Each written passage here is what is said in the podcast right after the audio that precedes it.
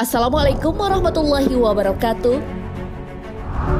Sahabat beriman, bangsa Yahudi adalah bangsa yang biasa juga disebut Bani Israel. Julukan Bani Israel ini disebutkan pada Nabi Yakub alaihissalam yang punya sebutan Israel, yang artinya kekasih Allah. Julukan tersebutlah yang membuat bangsa Yahudi merasa derajatnya lebih tinggi dibandingkan bangsa-bangsa lainnya. Kelakuan bangsa Yahudi yang sering meremehkan atau menghina bangsa lain bahkan sudah dicatatkan dalam kitab suci Al-Quran. Setidaknya ada tiga janji Allah Subhanahu wa Ta'ala kepada bangsa Yahudi. Lantas, apa janji Allah yang disebutkan Al-Quran kepada Yahudi? Seperti apa wujud janji Allah Subhanahu wa Ta'ala kepada Yahudi? Dan kapankah kebangkitan kaum Muslim yang dijajah Yahudi? Simak ulasannya dengan menonton video ini hingga akhir. Tentunya hanya di channel Islam Populer. Tapi sebelum lanjut, jangan lupa klik subscribe, like, dan lonceng notifikasi untuk mendukung channel ini agar terus menyiarkan syiar Islam.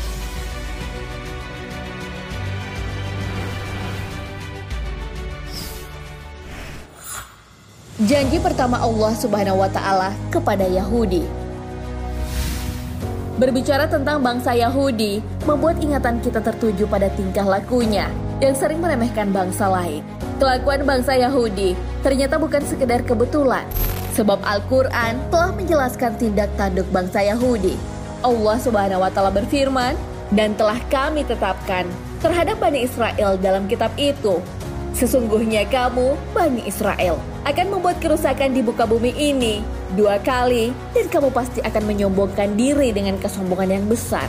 Maka apabila datang saat hukuman kejahatan yang pertama dari kejahatan itu, kami mendatangkan kepadamu hamba-hamba kami yang mempunyai kekuatan besar. Lalu mereka mencarimu keluar masuk kampung ke seluruh negeri.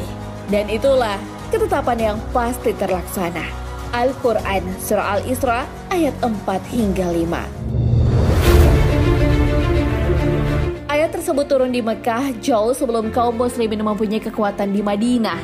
Dalam catatan sejarah, bangsa Yahudi telah berkali-kali mengalami kehancuran sebelum datangnya Islam.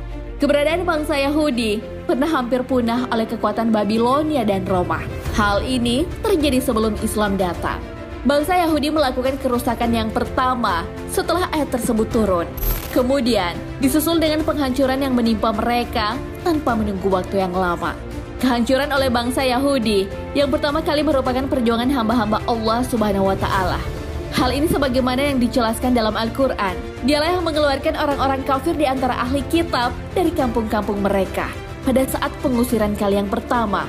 Kamu tidak menyangka bahwa mereka akan keluar dan mereka pun yakin bahwa benteng-benteng mereka akan dapat mempertahankan mereka dari siksaan Allah. Maka Allah mendatangkan kepada mereka hukuman dari arah yang tidak mereka sangka-sangka.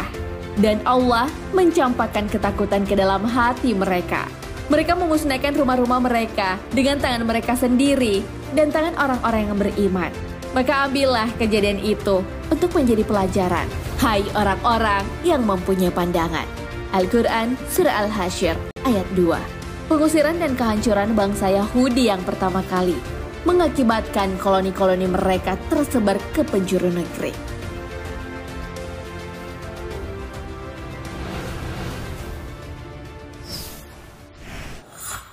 Janji kedua Allah Subhanahu wa taala kepada Yahudi. Tak bisa dibantah bahwa kesombongan dan kerusakan yang lebih besar lagi kembali diulangi bangsa Yahudi. Hal ini sebagaimana firman Allah Subhanahu wa taala di dalam Al-Qur'an Kemudian kami berikan giliran padamu untuk mengalahkan mereka kembali. Dan kami membantumu dengan harta kekayaan dan anak-anak keturunan. Dan kami jadikan kamu kelompok yang lebih besar. Al-Quran Surah Al-Isra ayat 6 Ayat tersebut mengisyaratkan bahwa Allah Subhanahu wa Ta'ala memberikan kesempatan kepada Yahudi untuk mengalahkan orang-orang yang pernah mengusirnya, yaitu orang-orang yang pernah mengusir dan mengejar Yahudi keluar masuk negeri bangsa Yahudi berhasil membalas sakit hatinya dengan menduduki kembali negeri-negeri Syam dan Palestina. Yahudi juga mengalahkan pengaruh kaum muslimin di wilayah tersebut. Maha benar Allah Subhanahu wa taala yang menunjukkan janji kedua kepada Yahudi setelah kehancuran yang pertama kalinya. Hal ini terbukti dengan melimpahnya ekonomi maupun politik terhadap bangsa Yahudi Israel. Imigran Yahudi mengalir deras dari segala penjuru negeri ke bumi Palestina tanpa bisa dicegah kaum muslimin. Kekuatan ekonomi dan militer barat hampir seluruhnya berdiri di belakang Yahudi. Karenanya, kesombongan Yahudi pun meningkat hingga saat ini. Sejarah mencatatkan lembaran hitam kaum muslimin akibat ulah bangsa Yahudi.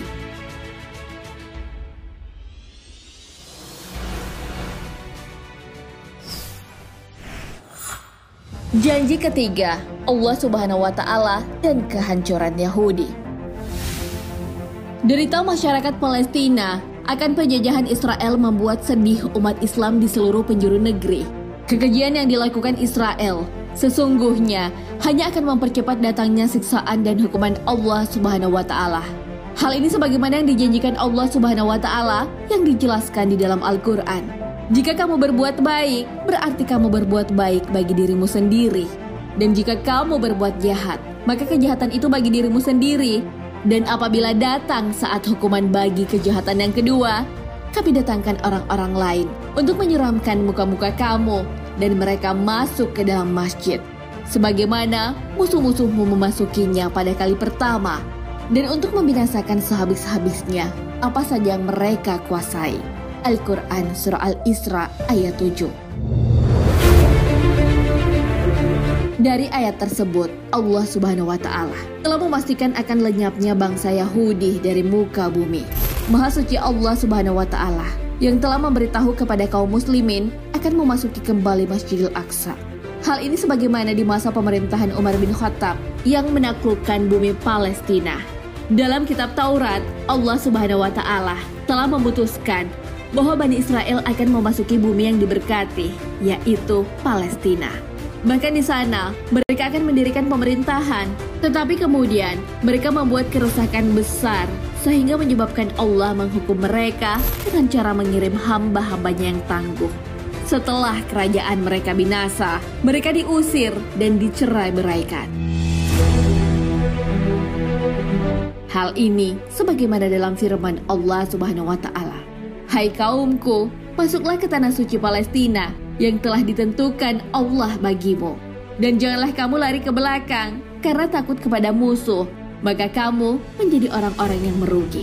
Al-Quran Surah Al-Ma'idah ayat 21 Sahabat beriman, kita ketahui bahwa kaum muslimin saat ini memiliki jumlah yang amat besar. Akan tetapi, bagai buih di lautan yang mudah terombang-ambing oleh derasnya gelombang. Sementara itu, kualitaslah yang menjadi faktor penting dalam sebuah perjuangan. Allah Subhanahu wa taala berfirman, "Berapa banyak terjadi golongan yang sedikit dapat mengalahkan golongan yang banyak dengan izin Allah." Dan Allah beserta orang-orang yang sabar. Al-Qur'an surah Al-Baqarah ayat 249. Wallahu a'lam bisawab. Sahabat beriman, jangan lupa berbagi informasi dengan share video ini karena sebaik-baik manusia adalah yang paling bermanfaat bagi manusia. Wassalamualaikum warahmatullahi wabarakatuh.